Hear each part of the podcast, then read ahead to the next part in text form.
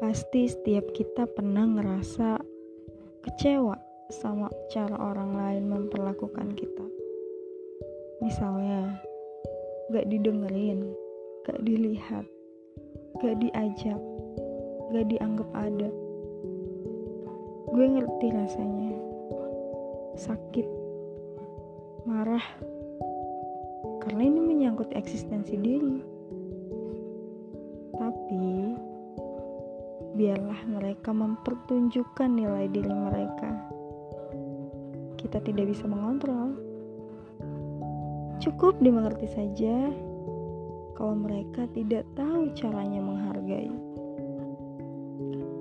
Fokuslah pada hal-hal yang bisa kamu kontrol, seperti dirimu sendiri.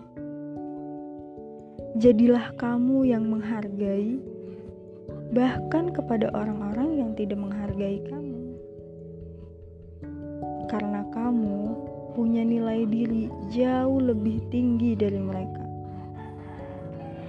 Kamu berada di level yang tidak biasa, di level yang sudah keluar dari egomu sendiri, sehingga kamu tidak mudah lagi terluka karena kamu tidak lagi berharap pada orang lain kamu yang akan memberi. Kamu yang akan mengerti.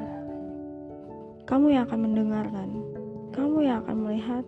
Kamu yang akan mengajak.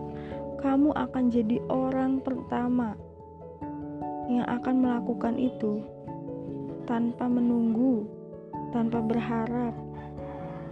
Karena kamu, levelmu, nilaimu di atas mereka. Kamu jadi manusia yang merdeka dan bijaksana.